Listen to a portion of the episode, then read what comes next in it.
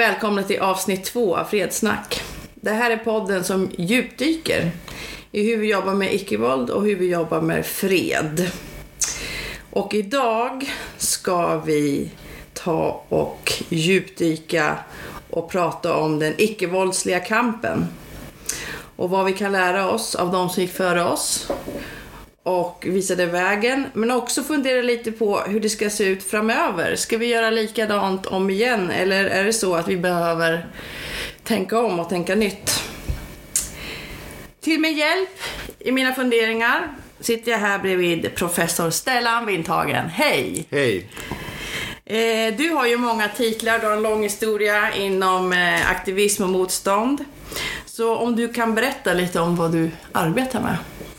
Ja, jag är professor i sociologi i Göteborgs universitet och jag har fått den första professuren i eh, icke-våld och eh, civilt motstånd i USA, University of Massachusetts i Amherst. Ehm, jag har en bakgrund som aktivist sedan eh, folkomröstningen om kärnkraft 1980. Jag har varit aktiv i plogbilsrörelsen som gjorde direktaktioner utav civil olydnad mot vapenhandel och kärnvapen. Eh, fristadsrörelsen som har gömt och gett skydd till flyktingar och en rad andra sammanhang, bland annat eh, Ship to Gaza eh, för att bryta blockaden utav eh, palestinska Gaza. Jag eh, forskar, undervisar och reser runt mycket i världen, nätverkar mellan akademiker och aktivister för att försöka skapa ny kunskap och förståelse av hur vi bäst kan arbeta med en icke-våldslig befrielse. Precis, och så att eh, vanvettigt kul att du är här. Ja. Vi sitter här och kan prata lite om vad du håller på med, vad du tänker. Eh, är det något speciellt, alltså är det något, något speciellt område som du fokuserar på just nu? Ehm, ja, det är det ju. Jag håller på att avsluta en bok som handlar om vardagsmotstånd. Det vill säga den typen av motstånd som människor gör när de inte är organiserade i, ehm, i formella föreningar och ställer formella krav utan engagerar sig i sin familj eller ehm, på arbetsplatsen i grannskapsområdet med vardagliga handlingar mot förtryck på olika sätt. Då. Eh, Som typ civilkurage? Ja, precis. Eh, Men också i form av att människor på olika hemliga sätt eh, undergräver dominans och makt eh, i situationer där det är alldeles för farligt att vara öppet oppositionell. Um, Och ehm, eh, jag har precis påbörjat ett forskning, nytt forskningsprojekt som är fyra år som handlar om jämförelser mellan fyra olika länder i Asien om hur motstånd kan bidra till demokratisering. Så jag har precis kommit tillbaka från Indien. Ehm, och jag ska till eh, en träff i eh, USA på mitt universitet eh, i mars som är en samling utav 50 ledande urfolksaktivister från hela Nordamerika eh, för att diskutera eh, situationen efter Standing Rock-kampen mot pipelinen. Eh, där det är mycket en fråga om att eh, knyta förståelse och lärdomar från den kampen som var under Red Power-perioden på 60-talet eh, och med de unga aktivister som håller på idag. Så vi har en två dagars eh, strategimöte omkring detta. Så det är, det är väl det som är aktuellt just nu. Och de, och de här som har jobbat runt Standing Rock, har de en, en så att säga, eh, dels en, en, ett, ett icke-våldsfokus, alltså på själva metoden och, och liksom har de ett fokus också på att, att öva och, och, och förkovra sig? Hur jobbar de? Absolut. Um, det är unga aktivister som tog initiativet till Stunning Rock-kampen. Eh, eh, Under flera år har det funnits ett tränarnätverk som är inriktat på urfolk och eh, icke-våldsaktioner. Um, och många av dessa unga aktivister um, har nu rest runt och um, placerat sig på olika platser runt om i USA eh, där pågår eh, pipeline-kamper eh, mot fossilgas som många gånger kränker traditionellt område som tillhör native americans. Och centralt i det är ju att bygga allianser. Så att i klimaträttviserörelsen så finns det nu ett pågående eh, diskussion om samarbetet. Eh, så att det är en klar inriktning på icke-våld, eh, utvecklandet av strategier, träning eh, och att eh, bygga allianser som kan motstå den eh, fortsatta kolonialiseringen som ju naturligtvis eh, Trump-regimen eh, står för i hög grad. Liksom. Men som finns inbyggt i eh, den globala kapitalism och den världsordning som, som vi har överlag. Om vi då tittar lite på, på Sverige och den rörelse som är här. Eh, men också eh, globalt. Så, så undrar jag om du har några tankar om hur vi jobbar idag. Är vi tillräckligt strategiska, smarta och kunniga inom icke-våld och har vi en effektiv icke-våldskamp för rättvisa och fred? Nej, jag tycker att eh, vi befinner oss i ett ganska besvärligt läge. Eh, det är en ganska liten del av det svenska civilsamhället och folkrörelserna som egentligen har någon förståelse och intresse av att använda icke-våld och vågar anamma civil olydnad eh, som annars betraktas som ganska kontroversiellt utav många organisationer. Det är det ena problemet. Det andra är att det finns en väldigt låg kunskapsnivå i, i Sverige där eh, vi har tappat kontakten med den historien av eh, starka civilolydnadsrörelser som vi har haft. Eh, det är som om att eh, vi tänker att civil olydnad inte behövs längre. Ehm, och direktaktioner utav icke-våldskaraktär ehm, ses som alltför kontroversiellt och konfliktskapande ehm, och att vi lever i ett samhälle som är så pass perfekt demokratiskt så att vi behöver inte detta. För de lyssnare som inte är så bekanta med civil olydnad, vad, vad, vad, in, vad, vad menar du med det begreppet? Vad är det man gör då? Varför? Ja, okej. Okay. Eh, alltså det är ju från traditionen ifrån Gandhi och Martin Luther King eh, där det eh, helt klart handlar om att man eh, agerar icke-våldsligt eh, och öppet, man tar ansvar för vad man gör. Men man, eh, tar steget att utmana, eh, ibland bryta mot, mot lagar och regler. För att man anser att det finns en rättfärdig anledning att göra det som gör det nödvändigt. Exempelvis så användes ju det mot den rasistiska segregeringen i södra USA under medborgarrättsrörelsen. Och det har använts i Sverige exempelvis i kampen mot hormoslyr eller kampen för homosexuellas rättigheter i ockupationen utav Socialstyrelsen. Ehm, så vi har en sådan tradition, ehm, även under senare år. Men, men det är framförallt i, eh, i kampen för frikyrkornas eh, rättighet att få lov att ha eh, en annan typ av kristen tro emot statskyrkans monopol som man använder civil olydnad historiskt. Eller i fackföreningsrörelsen, i kvinnorörelsen och så vidare. Där vi har sett det här användas i hög grad. Så det, vi har en stark tradition av det. Så det finns även här. Men, men tankarna kring det finns ju mer eh, kanske hos eh, sådana som Gandhi och Martin Luther King och eh, Thoreau och så.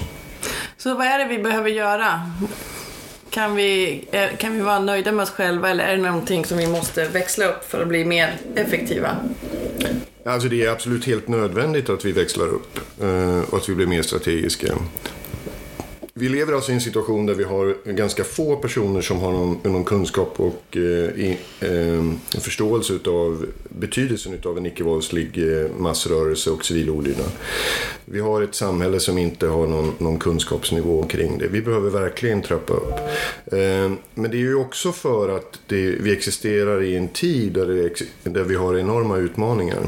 Eh, klimatkrisen och miljöförstörelsen är ju några av de mest eh, akuta hoten som vi står inför. Men också den globala ojämlikheten och eh, det som den producerar i form av miljöflyktingar och klimatflyktingar på olika sätt som, som provocerar fram fascistiska reaktioner också. Så att vi, vi står inför en enorm utmaning och där vi behöver starka folkrörelser igen. Och problemet är att vi i Sverige är väldigt fokuserade på att arbeta inom systemet, använda lagliga reg, äh, eh, eh, regler och genom åtal på olika sätt när vi ser någon diskriminering ske. Eh, vi har vanliga protester som söker polistillstånd där vi marscherar från punkten A till punkten B. Eh, vi tänker oss att det ska förändra samhället. Eh, det gör det knappast. Eh, det kan göra det i småsaker i reformer som på något sätt passar in, in inom det rådande systemet. Men vi befinner oss i en tid där vårt samhälle är i en fundamental kris. Och om vi då måste åstadkomma mer grundläggande förändringar, då måste vi gå tillbaka till den historiska traditionen utav starka folkrörelser som vågar att eh, utmana systemets regler och eh, göra massiv civil olydnad för att eh, få till ett, ett tryck och en kris i samhället som eh, skapar en, en, en ändring och en omställning till ett annat samhälle. Du pratar om att vi som rörelser, aktivister, att vi är reaktiva. Vad menar du med det? Och vad är det som behövs istället? Jo, alltså vi har en tendens att reagera på de hot och de problem som dyker upp i vår eh, eh, vardag i form av en ny lag, eh, en ny gruva som ska göras, ett nytt beslut och då vill vi stoppa och förhindra detta. Det gör att vi hela tiden är på defensiven. Eh, Medan vi behöver istället eh, göra en ordentlig problemanalys av vart vi befinner oss. Där vi eh, ser vilka maktrelationer som, som ligger i vägen för att ändra på samhället. Och vi behöver ha en tydlig vision. Och med en sådan vision så skulle vi kunna vara proaktiva. Vi skulle kunna gå före i att med direktaktioner på olika sätt skapa det samhälle vi vill ha. Och istället låta politikerna reagera på det att vi skapar de förändringar som behövs. Ehm, det som är problemet med det reaktiva är ju att vi hamnar i en situation av att ständigt bara försöka stoppa och mildra och ehm, förhindra de hoten som existerar. Medan det som krävs idag är ju mer fundamentala förändringar. Då. Eh, så det, vi behöver ha en omorientering som bygger mycket mer strategiskt på visioner som vi, vi eftersträvar. Och det är där då som direktaktionerna och eh, en massrörelse som, som också vågar att använda civil olydnad när det behövs eh, är det som, som krävs i, i det samhället vi lever i idag. Och jag, jag tycker att det är väldigt besvärligt att, att det känns som att våra våra rörelser och föreningar inte riktigt ser det här. Utan tänker att det räcker med att vädja till politikerna med namninsamlingar och att demonstrera i Stockholm. Eh, skriva debattinlägg och liknande. Eh, ingenting av det tycker jag är fel. Men problemet är när man tror att det räcker. Men äh, liksom, jag, jag upplever ofta att det finns en hopplöshet. Att man känner att vi ska ändå gå under. Eh, samtidigt som vi är duktiga på att uttala vilka fruktansvärda hot vi står inför. Hur skulle du säga att vi skulle kunna bli starkare på att inge hopp och energi i motståndsrörelse? Alltså vi lever i en tid som har eh, mm, fundamentala hot så det är klart att det, det, är lätt gjort att man hamnar i en, i en hopplöshet. Men jag tror att tyvärr vårt sätt att arbeta på i, i, i folkrörelser förstärker den här hopplösheten av flera skäl. Det ena är att vi har en väldigt stark tilltro på att om vi informerar om hoten och problemen så blir folk engagerade. Jag tror att det sällan stämmer. När folk får uppleva att vi lever i en situation av en total klimat, klimatkris så är inte det någonting som är inspirerande till att engagera sig och göra någonting. Det är snarare någonting som passiviserar. Det är det ena. Det andra är att vi är fastlåsta i, i, att arbeta inom systemet när det egentligen krävs fundamentala förändringar av samhället. Och det gör att vi blir ineffektiva. Så varför ska man gå på ytterligare en demonstration när det ändå inte förändrar? Det skapar också en hopplöshet. Så att och det tredje då är att vi, vi eh, numera, kanske för att vi själva som aktivister många gånger inte har eh, så mycket självförtroende eller hopp, är ju det att vi jobbar inte så mycket med att bygga visioner. Eh, och jag tror ju att det är väldigt radikaliserande och inspirerande när det finns visioner om ett annat sätt att leva på och att det finns en rörelse som försöker att få det att hända. Eh, det lockar ju med sig människor. Eh, så byggdes ju eh, de gamla folkrörelserna med, visioner om ett, om ett annat samhälle. Jag tror att vi behöver mer utav det. Mm, och vi behöver ju för den skull inte hamna i det som den auktoritära vänstern hade förut och att det finns en enda vision som gäller. Utan vi kan ha många visioner. Vi kan ha en pluralism kring liksom vad det är vi vill ta vägen. Ehm, men eh, vi behöver se liksom, eh, det radik radikala i att våga formulera och praktisera, experimentera med ett annat sätt att leva på. Eh, och att det är en del av vår kamp. Eh, vi behöver ha ett ja, som Naomi Klein säger, i kampen, inte bara ett nej.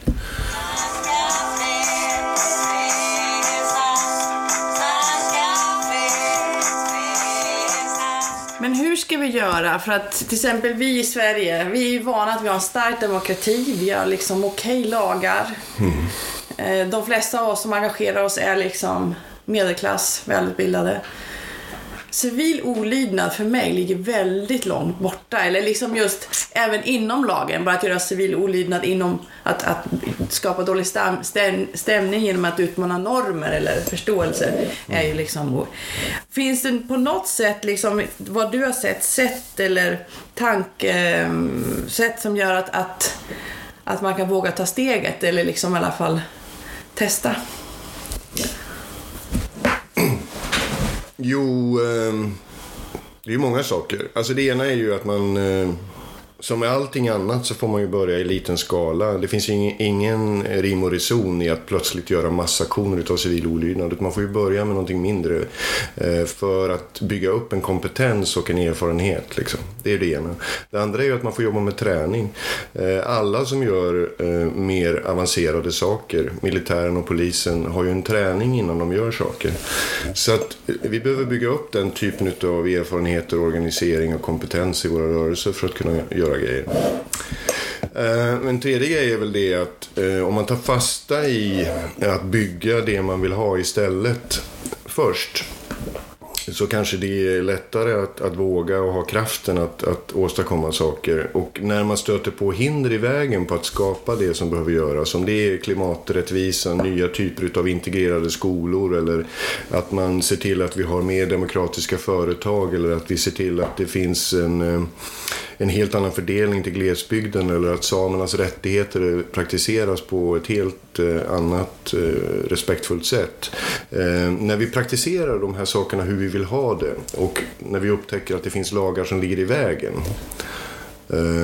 Ja, då är det ju nödvändigt att göra civil olydnad. Ja, precis. Och då, då pratar du om ett sätt att skapa förändring där man så att säga inte tar hänsyn till eh, politiker och ledarskap utan man, man eh, förverkligar sin vision eller sin, sin, sin idé man kan säga att man tar hänsyn genom att man alltid är beredd att ta dialog. Mm. Men eh, man låter inte politikerna vara de som sätter gränserna och bestämmer eh, vad det är som ska göras och inte göras. Utan nu är det så att vi måste ha till en klimaträttvisa. Då måste vi stoppa vår eh, fossilproduktion.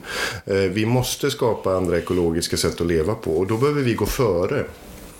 Eh, och när vi gör det, eh, när vi stänger gruvor eh, och när vi eh, eh, förhindrar flygtrafik och vi bygger upp ekologiskt boende på olika sätt, eh, då får det bli politikerna som protesterar mot oss istället.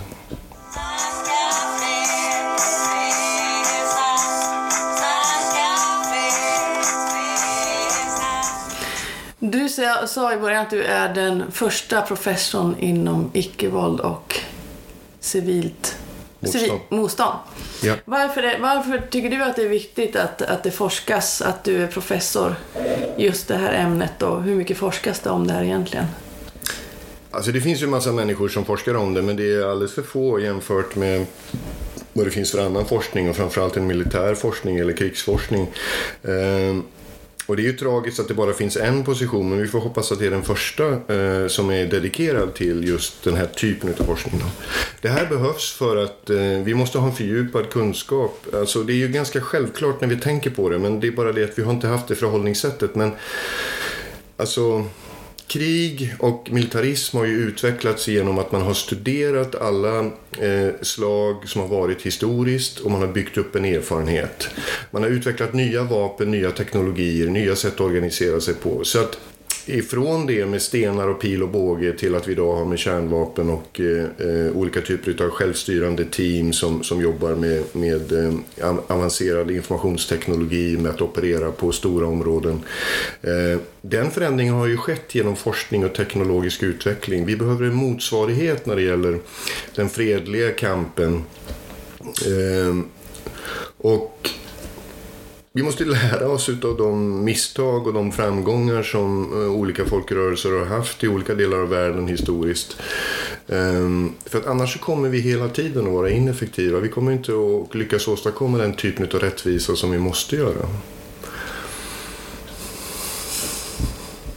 Slutligen, Stellan, jag skulle kunna prata hur länge som helst, men så, så fick jag reda på igår eh, att det är du som ligger bakom eh, kaosmodellen. Jo. Jo. Så, så när kom du på den? När och hur? Och vad handlar den om? Alltså vi var ju ett, ett aktivt gäng i Hammarkullen, eh, en, en eh, invandrarförort i, till Göteborg eh, som jobbade med eh, konflikthanteringsföreningen Praxis och jobbade ganska mycket just med eh, ungdomar som hade varit eller var eh, aktiva i olika gäng som inte såg eh, några fredliga lösningar på konflikter och i de sammanhangen jobbade vi mycket med rollspel och försökte hitta sätt att motverka mobbing och olika typer av hot och förtryck på olika sätt. Då. Och i det sammanhanget då så, ja, så formulerade jag vid ett tillfälle kaosmodellen. Vad står det för då? Ja, kaos är ju fyra olika sätt att ingripa med, med, eh, i, i konflikter så att man kan bredda sitt register utav kreativitet i, i eh, konflikter om det så är på bussen eller om det är i, i hemmet eller på arbetsplatsen. Där K i kaos står för att konfrontera. Då konfronterar man den som, som utför ett förtryck. Och eh, A eh, står för att avleda. Eh, det är ju som ungefär med barn. Det kan vara ganska kraftfullt att avleda uppmärksamheten från en sak till, till något annat. Och det kan man också hitta olika kreativa sätt att avleda på. Eh, O står för att omtolka. Det är det svåraste. Men då omtolkar man hela situationen och bestämmer sig för att det här är någonting helt annat som pågår. Det är inte så att det är någon som står här nu och ska hota om och, och slå ner mig. Utan, utan det här är ju en gammal kompis som jag har träffat från eh, eh, lång tid. Vi, vi, vi, var ju på dagis samtidigt och, eh, och jag envisas med att den här personen måste vara den här Johan som som eh, eh, jag lekte med som barn. Eh, och den förvirring som skapas då kan vara möjligtvis ibland ett sätt då att, att eh, göra om situationen. Det är ganska kraftfullt när många personer bestämmer sig för att tolka om den. Eh, då är det svårt som, som en ensam person att, att upprätthålla den roll man trodde att man hade. Liksom. Så att det här är kraftfullt då. Ehm, och S är att skydda då den som blir utsatt då. Man så att säga går emellan eller man, man, man ser till att ta bort den personen som blir utsatt. Ehm, så det är fyra helt olika strategier och utifrån dem kan man utveckla en massa olika tekniker. Och rollspelen är ett sätt att träna på detta då. Så eh, det är väl ett exempel på hur vi kan jobba med att bli mer kreativa och göra det oväntade. Eh, för ett huvudproblem tror jag med aktivism generellt är att vi, vi är liksom för förutsägbara. Vi, vi liksom är fast i vissa mönster utav hur man ska göra. Medan vi behöver bredda vår repertoar. Liksom. Eh, skapa en kreativitet och en förmåga att avläsa vad är det för kontext, vad är det för situation, vad är det vi behöver göra just nu. Tack så mycket Stellan. Ja, tack.